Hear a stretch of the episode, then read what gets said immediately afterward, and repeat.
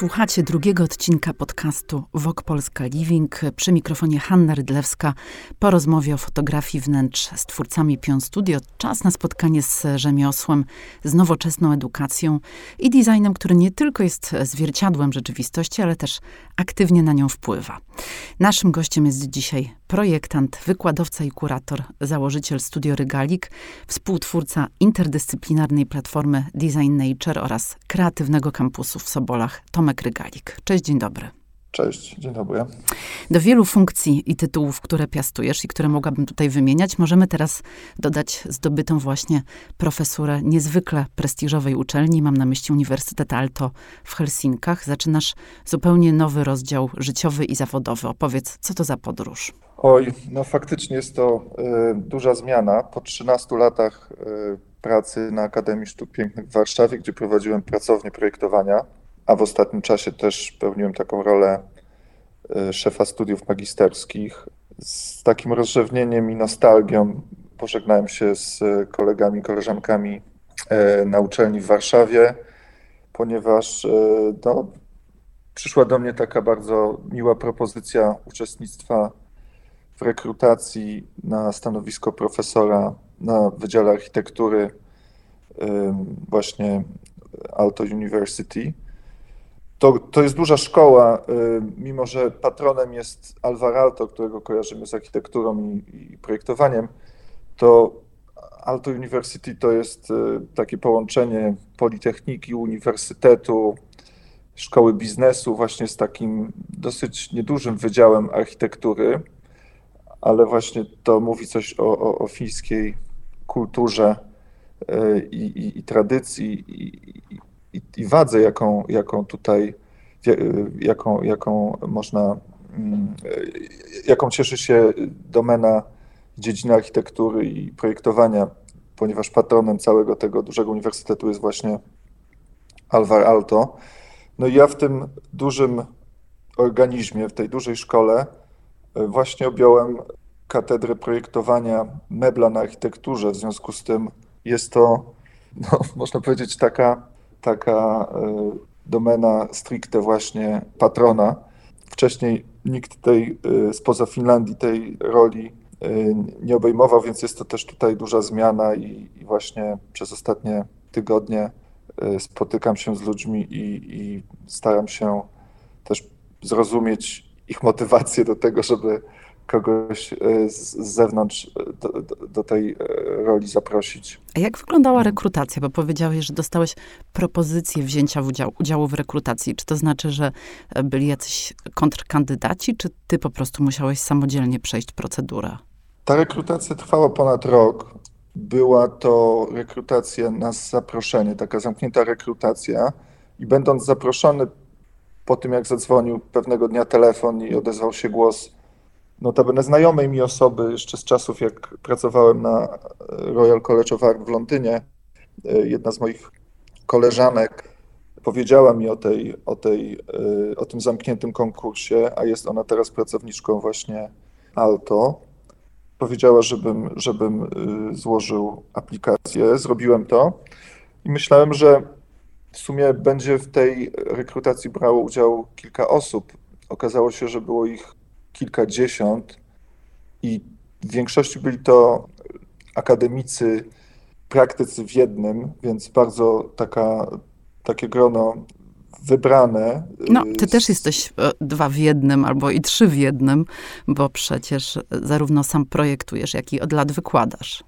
Tak, no myślę, że w, w ogóle w, w, designie bardzo ważne jest to, żeby łączyć y, pracę badawczą z pracą projektową, z pracą dydaktyczną i właśnie ten pakiet, który zaoferowano temu szerokiemu gronu, właśnie zakłada taką harmonię między tymi trzema obszarami. Więc moja praca w jednej trzeciej to dydaktyka, w jednej trzeciej to właśnie badania, a w, w, trzeciej praktyka, czyli e, no, muszę zagwarantować, że jestem czynnym twórcą, żeby móc coś e, zaoferować e, dziedzinie na tym, na tym poziomie, na którym tutaj to się odbywa. No, poziom na pewno jest wysoki. Zakładam, że musiałeś przedstawić cały swój plan na te studia, program nauczania i swojego też podejścia do, do edukacji.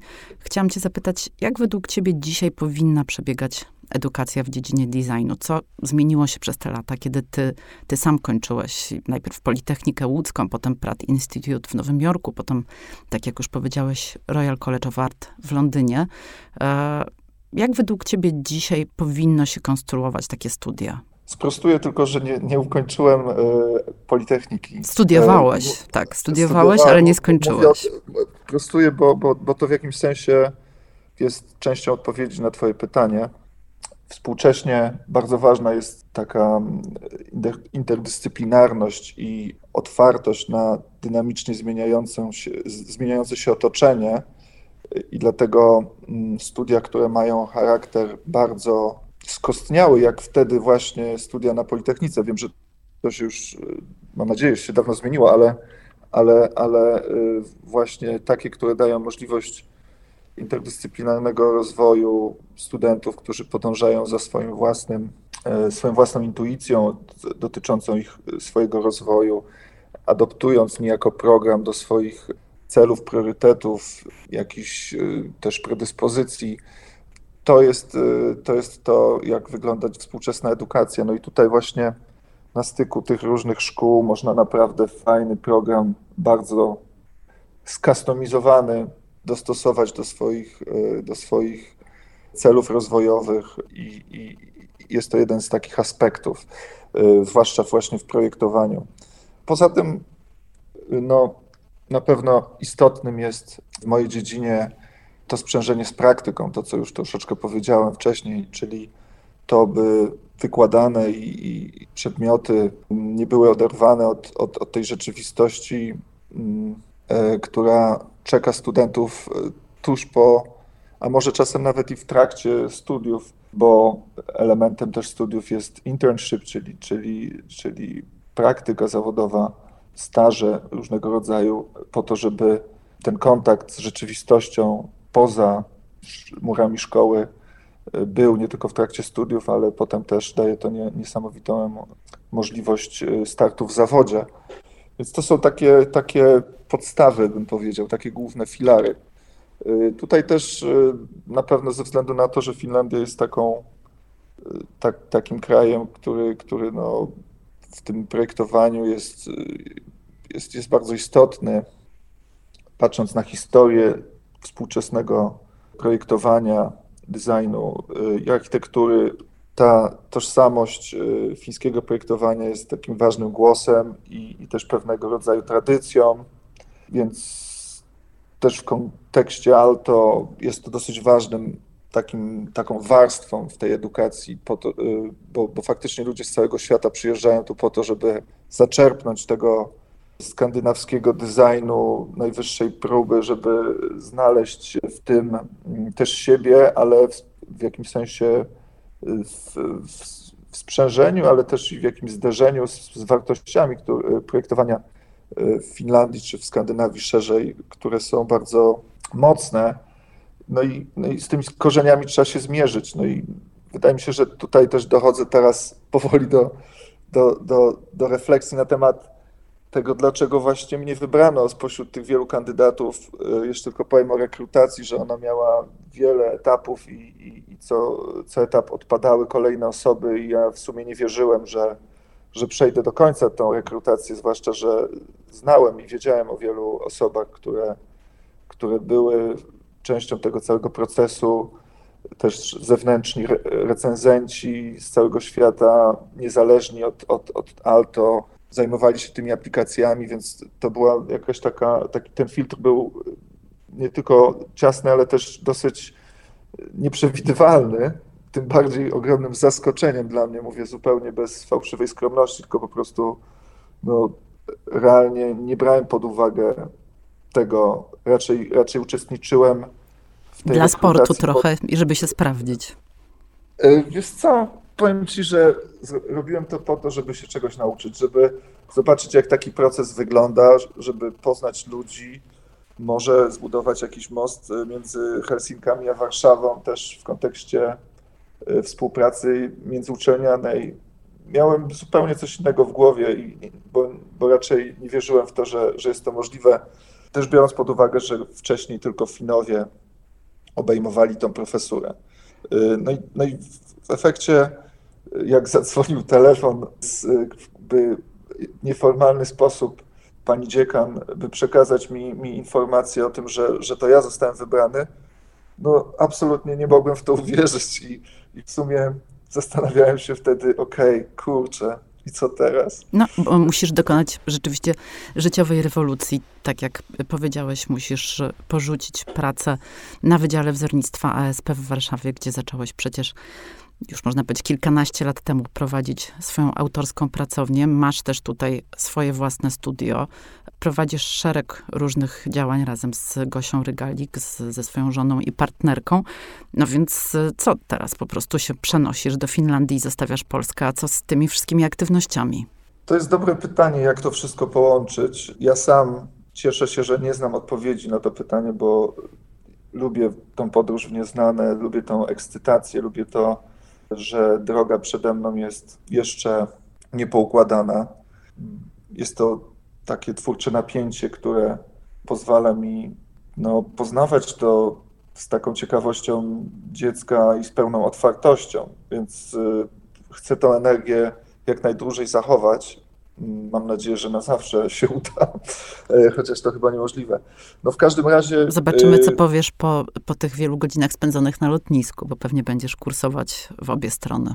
No właśnie, wydaje mi się, że zarówno dla działalności studia regalik jest to raczej e, rozwój niż, niż jakiś duży problem. My jeszcze długo przed pandemią pracowaliśmy dużo zdalnie ze względu na liczne podróże do klientów, do fabryk, na targi aktywny tryb życia, więc y, potem pandemia jeszcze bardziej nas tego nauczyła.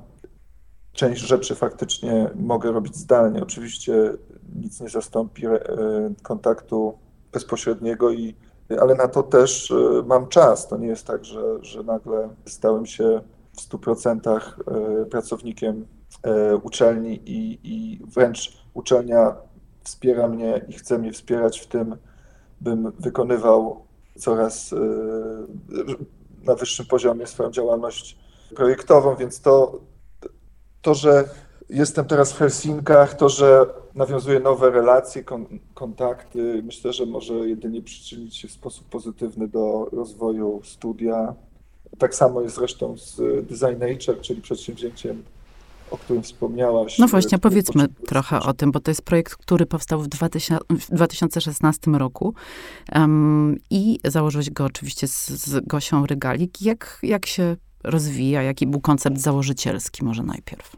To jest przedsięwzięcie, które wypełnia przestrzeń pomiędzy edukacją, ale taką właśnie nieakademicką, nieformalną, innowacją, czyli realnymi działaniami na rzecz polepszenia różnych e, aspektów życia ludzkiego na planecie i zaraz może to rozwinę, ale, ale najpierw wylistuję. I trzecim obszarem jest tak zwane dobre życie, jak to nazywamy, czyli wpływanie na jakość życia, ale też e, styl życia, zmiana stylu życia w stronę bardziej roztropnego, bardziej e, zdrowego dla mm, człowieka i planety.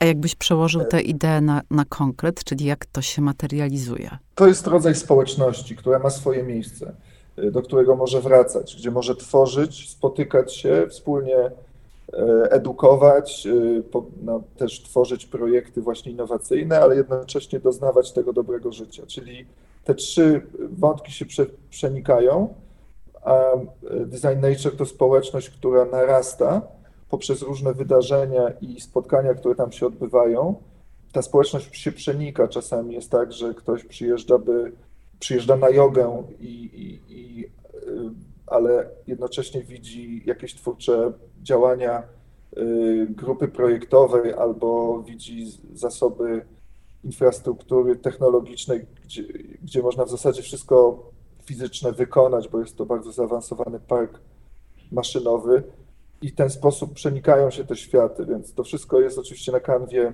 pięknej przyrody, bo ta społeczność jest związana z wartościami zrównoważonego rozwoju, odpowiedzialności w stosunku do działalności człowieka na planecie, więc to jest rodzaj też takiego miejsca, w którym tą naturą jesteśmy otoczeni, możemy się nią inspirować. No tutaj warto wspomnieć mm, projekt, który stworzyłeś w ramach takiego cyklu The Makers, e, ogromną ramę, która kadruje widoki, taką kontekstualną pracę. Tak, nawet tak wielokontekstualną, bo to jest taka rama, którą można przenosić i kadrować bardzo różne przestrzenie e, przyrody.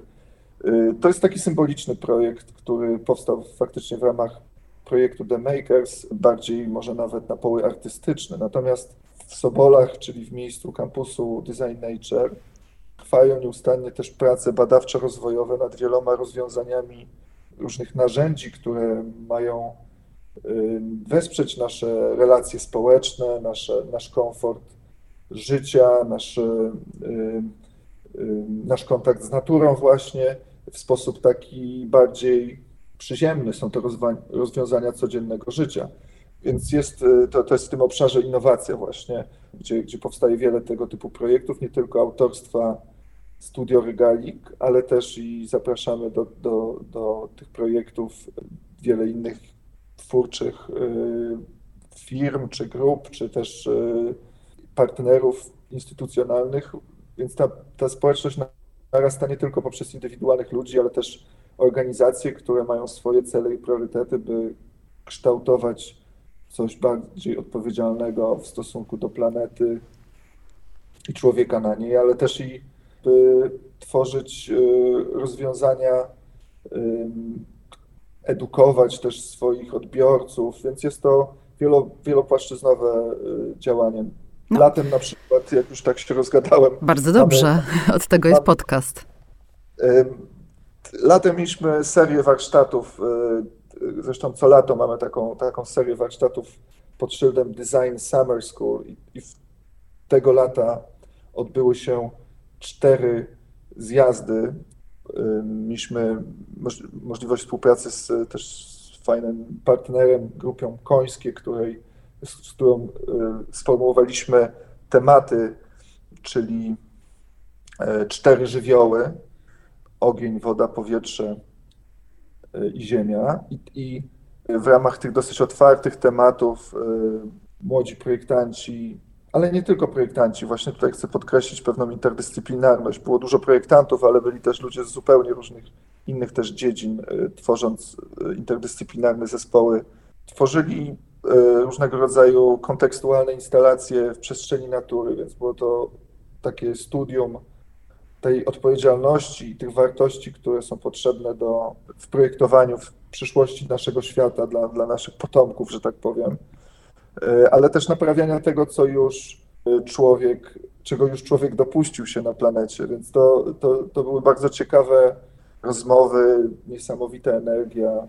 Trudno jest e, wyrazić tak naprawdę słowami to, co się działo, ponieważ za każdym razem jest to jakaś niesamowita wspólnota, która się tworzy między ludzi, ludźmi i też taka, można powiedzieć, y, synchroniczność zdarzeń, takich, które niby postępują w jakiś sposób przypadkowo, ale jednak jest w tym wszystkim jakaś, jakaś, y, jakaś linia, która to łączy, y, która się tworzy i powoduje, że, że jest niesamowita satysfakcja za każdym razem. Zresztą z tego powodu, by tą energię czuć, y, stworzyliśmy tą, tą, y, to przedsięwzięcie i zaczęliśmy tworzyć tą społeczność, ponieważ wcześniej jeździliśmy po świecie w różne miejsca ciekawe, również do Skandynawii, ale też nie wiem, do Meksyku, Francji i tak dalej, wiele różnych miejsc, nawet do Nowego Jorku, by prowadzić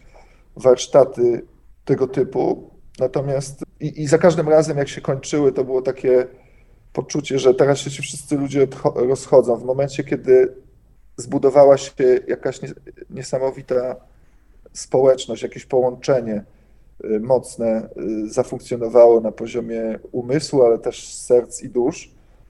No i w tym momencie był zawsze taki zjazd, można powiedzieć y, kolokwialnie, więc pomyśleliśmy, że trzeba stworzyć takie miejsce, gdzie można budować tą energię, gdzie, gdzie ona się nie rozchodzi, gdzie narasta, gdzie z, roku na rok coraz więcej y, osób w sposób organiczny dowiaduje się o tym miejscu, mimo że jest daleka od szosy, celowo nie jest jakoś szczególnie komunikowane, ale narasta w sposób taki organiczny i coś po tym pozostaje, a może nawet ma to siłę faktycznej, realnej y, zmiany.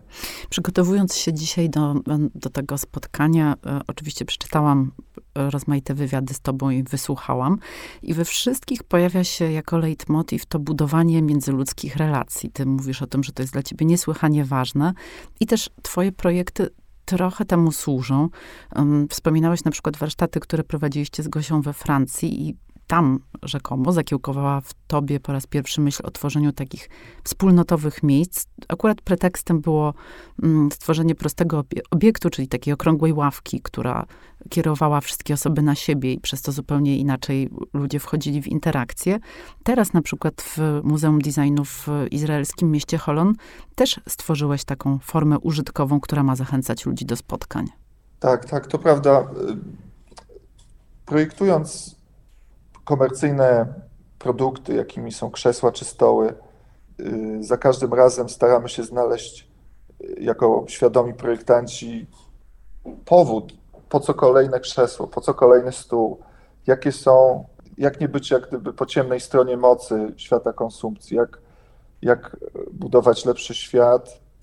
No i te produkty, na ile można, są wedle tych wartości projektowane. Staramy się minimalizować ilość zmarnowanych materiałów, nie wiem, y, zmniejszać ilość y, CO2 wyemitowanego do, do atmosfery, myśleć o cyklu użytkowym produktu i go badać tak, żeby rzeczy, które projektujemy, nie wypadały z użytku. Tutaj na przykład też, niezniszczalny stół, który wszystkich nas przeżyje.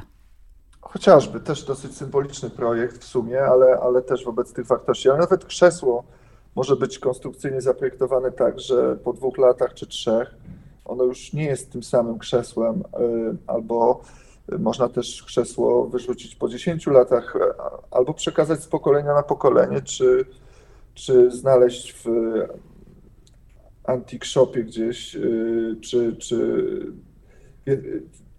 jako vintage, prawda? Więc to jest, y, to jest też ta trwałość wyrazowości produktu, która jest też ważna, bo nie tylko fizyczna trwałość, ale właśnie to, że i, i, to, że nie wypada z użytku, ale też to, że nie wypada, uwaga, z mody, prawda? Czyli coś, co nie deaktualizuje się tak szybko, coś, co możemy, w czym mo możemy odnaleźć atrakcyjność wtedy, kiedy już minęło wiele, wiele sezonów, y, mówiąc języką, językiem świata designu czy mody.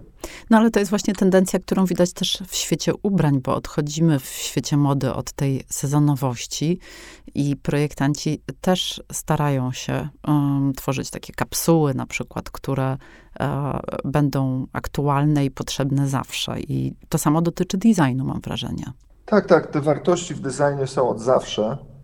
Y, natomiast y, można powiedzieć, że czytając Papanka właśnie, który pisał swoje książki w latach 60., czy, czy Dieter Rams nawet, e, czy taki bardzo przemysłowy projektant, e, też w swoich przykazaniach, czy też e, zasadach dobrego projektowania też zaznaczał właśnie tą, ten aspekt świadomego projektowania pod kątem środowiska naturalnego. Na Papanek, jak wiadomo, radykalnie mówił o tym, żeby że najlepszą rzeczą, jaką mogą zrobić projektanci, to absolutne zaprzestanie działalności. Więc to są takie mm, y, na przestrzeni XX wieku sygnały, y, które pokazywały już w świecie świadomego projektowania, że, że, no, że, że projekta, projektowanie to jest tworzenie konsumpcji, że niekoniecznie jest to czymś dobrym. Natomiast no, projektant jest tylko trybem większego systemu y, społeczno-gospodarczego i nie zawsze ma siłę sprawczą i też siłę osobistą, jakąś taką, w której, której może faktycznie zmierzyć się z, z, z, z systemem, z machiną. Jestem ciekawa, na ile mm, te wielkie marki, które deklarują, że stawiają na świadome wybory materiałowe, na zrównoważony rozwój, na rozważną konsumpcję, rzeczywiście to robią, a na ile to jest greenwashing? Najczęściej jest to greenwashing. No i stało się to też już rodzajem trendu czy mody. W związku z tym absolutnie zgadzam się z tym, co sugerujesz w swoim pytaniu. Pytanie z tezą. Tak, tak, tak. Natomiast, natomiast dlatego właśnie, czy to poprzez działalność naszego studia, czy, czy Design Nature, ważna jest dla nas sprawczość, to znaczy to, że my nie gadamy o tym, oczywiście gadamy o tym, żeby, żeby, żeby ludzie mogli w ogóle dowiedzieć się o tym, czym się zajmujemy, ale, ale przede wszystkim opieramy to na realnych działaniach i na tych e, strategiach, które się sprawdziły, czyli edukacja, faktyczna innowacja, czyli tworzenie wartości intelektualnej, która zmienia na przykład wykorzystanie jednego materiału w drugi, czy, czy lepszego jakiegoś zastosowania bardziej, bardziej roztropnego w kontekście właśnie implikacji na środowisko naturalne, jakiegoś, e, jakiegoś, jakiejś energii pochodzącej z ziemi, czy, czy materiału pochodzącego z lasu. Więc e, innowacja, no i dobre życie też, ponieważ uważamy, że, że bardzo łatwo jest, myśląc e, w sposób radykalny, mm, co lubimy, ale jednak łatwo jest sprowadzić te wartości do pewnej ascezy, do odrzucenia praktycznie wszystkiego, na pewno wszystkiego, co zbędne, a, a, a może nawet posunięcie się dalej. I wtedy życie traci pewnego rodzaju, tracimy pewną przyjemność, do której, do której przywykliśmy, ale też i nie odnajdujemy przy, przyjemności w tych, w tych wyrzeczeniach, które są nieuchronne i konieczne. Więc dlatego bardzo ważnym jest, żeby znaleźć te jakości w stylu życia, które idą w parze z właśnie myśleniem o zrównoważonym rozwoju i stąd y, i, i realne zmienianie stylu życia. Na so, trenujemy to na sobie. No właśnie lat. chciałam zapytać, czy, czy te y, piękne idee, o których mówicie podczas warsztatów i które głosicie robiąc chociażby właśnie takie projekty jak w Muzeum Designu w, w mieście Holon, gdzie powiedzmy jeszcze, że ten mebel siedzisko um, służy nie tylko tworzeniu lokalnych społeczności, tych nieformalnych skupisk, ale też jest przykładem właśnie recyklingu, dlatego że um, siedzisko powstało z płyt wykonanych z odzyskanych z dna morza plastikowych sieci, czyli też recycling tutaj wchodzi w grę. No, dzielając war- jak gdyby tą warstwę komunikacyjną od, od, od tej rzeczywistej, to w zasadzie wszystkie produkty, jakie zaprojektowaliśmy na przestrzeni całej działalności studia są podszyte tymi wartościami.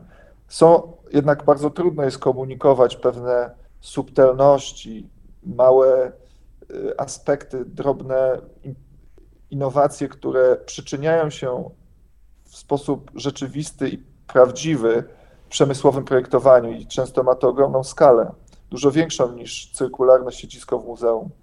Natomiast dlatego często dopuszczamy się takich projektów, jak, jak właśnie bardziej artystyczny, symboliczny projekt Circula, o którym mówimy, by jednocześnie połączyć naszą pracę u podstaw, która jest niewidoczna, jest ukryta i wielu laików projektowania i konsumentów nie, nie jest w stanie zrozumieć y, tych subtelnych różnic, które polegają często na, na drobnych y, kroczkach, innowacjach w procesie produkcyjnym, czy w wykorzystaniu konkretnych y, materiałów, czy powłok, czy rozwiązań generalnie.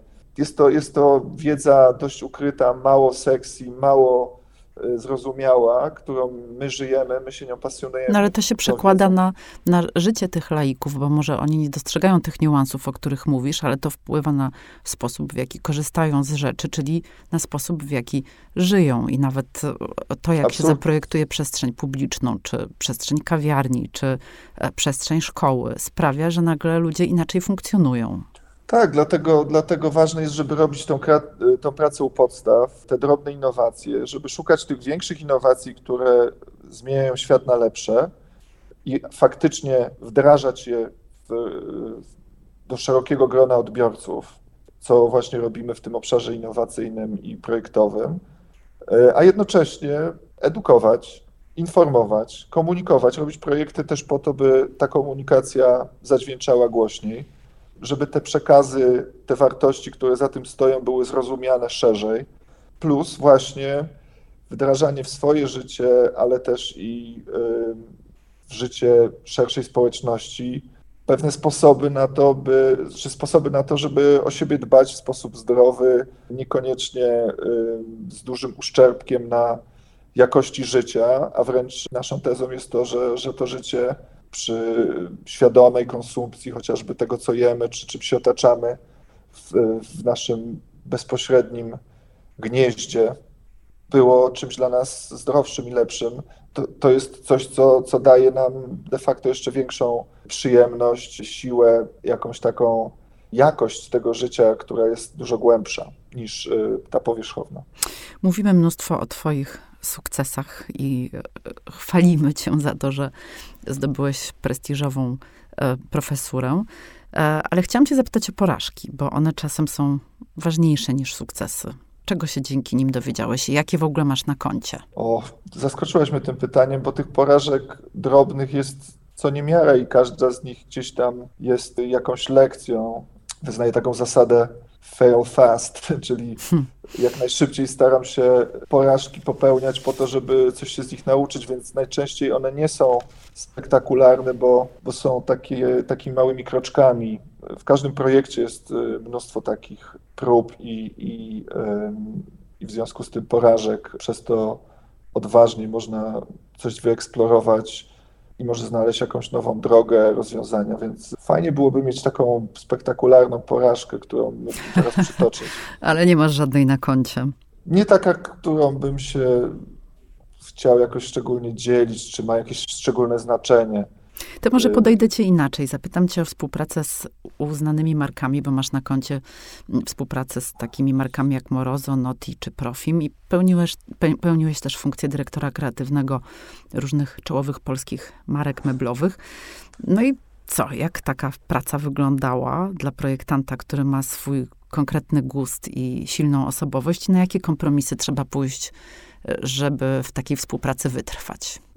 No, projektowanie jest takim zwłaszcza projektowanie produktu użytkowego, mm, to jest, jest, jest oparte na dialogu, na konwersacji, na ludziach. I w związku z tym zawsze jest to jakimś wspólnym współdziałaniem. To, to nigdy nie jest artysta kontra fabryka. To jest raczej y, próbowanie znalezienia konsensusu, wspólnych y, wartości, właśnie, czy wspólnego kierunku dla rozwoju Dlatego, dlatego ja jestem z natury raczej koncyliacyjny, ale też bardzo uparty. Mm. To, to się czasem wyklucza. To się czasem wyklucza, natomiast wiem, że to, czym się zajmuję, i to może dlatego też się tym zajmuję, to, to wymaga zaangażowania naprawdę szerokiego grona ludzi zasobów. A to jest też inwestycja, to jest też ryzyko, to jest też odpowiedzialność i tak dalej, i tak dalej. Więc absolutnie nie, nie uzurpuje sobie nigdy prawa, jak gdyby takiego e, decydowania o wszystkim e, i kierowania się swoim widzimisię, tylko zawsze szukam najlepszego możliwego kierunku, który niekoniecznie musi paść z moich ust do dalszej drogi, prawda? Więc staram się. Chyba dopiszę ci dyplomata do biogramu, bo to, to wynika z tego, że, że jesteś e, osobą, która potrafi nawet w bardzo trudnych e, sytuacjach jakoś znaleźć konsensus? To byś mi bardzo schlebiła. No, fajnie, że tak powiedziałaś, bo jest w tym trochę dyplomacji, ale, ale no, moje umiejętności w tym są absolutnie tylko praktyczne. Ja szukam, ja szukam y, za, zazwyczaj najlepszej, jak gdyby, najlepszej wartości, jaką mogą stworzyć konkretni ludzie w konkretnym momencie, w konkretnym czasie z, z zasobami, które mają.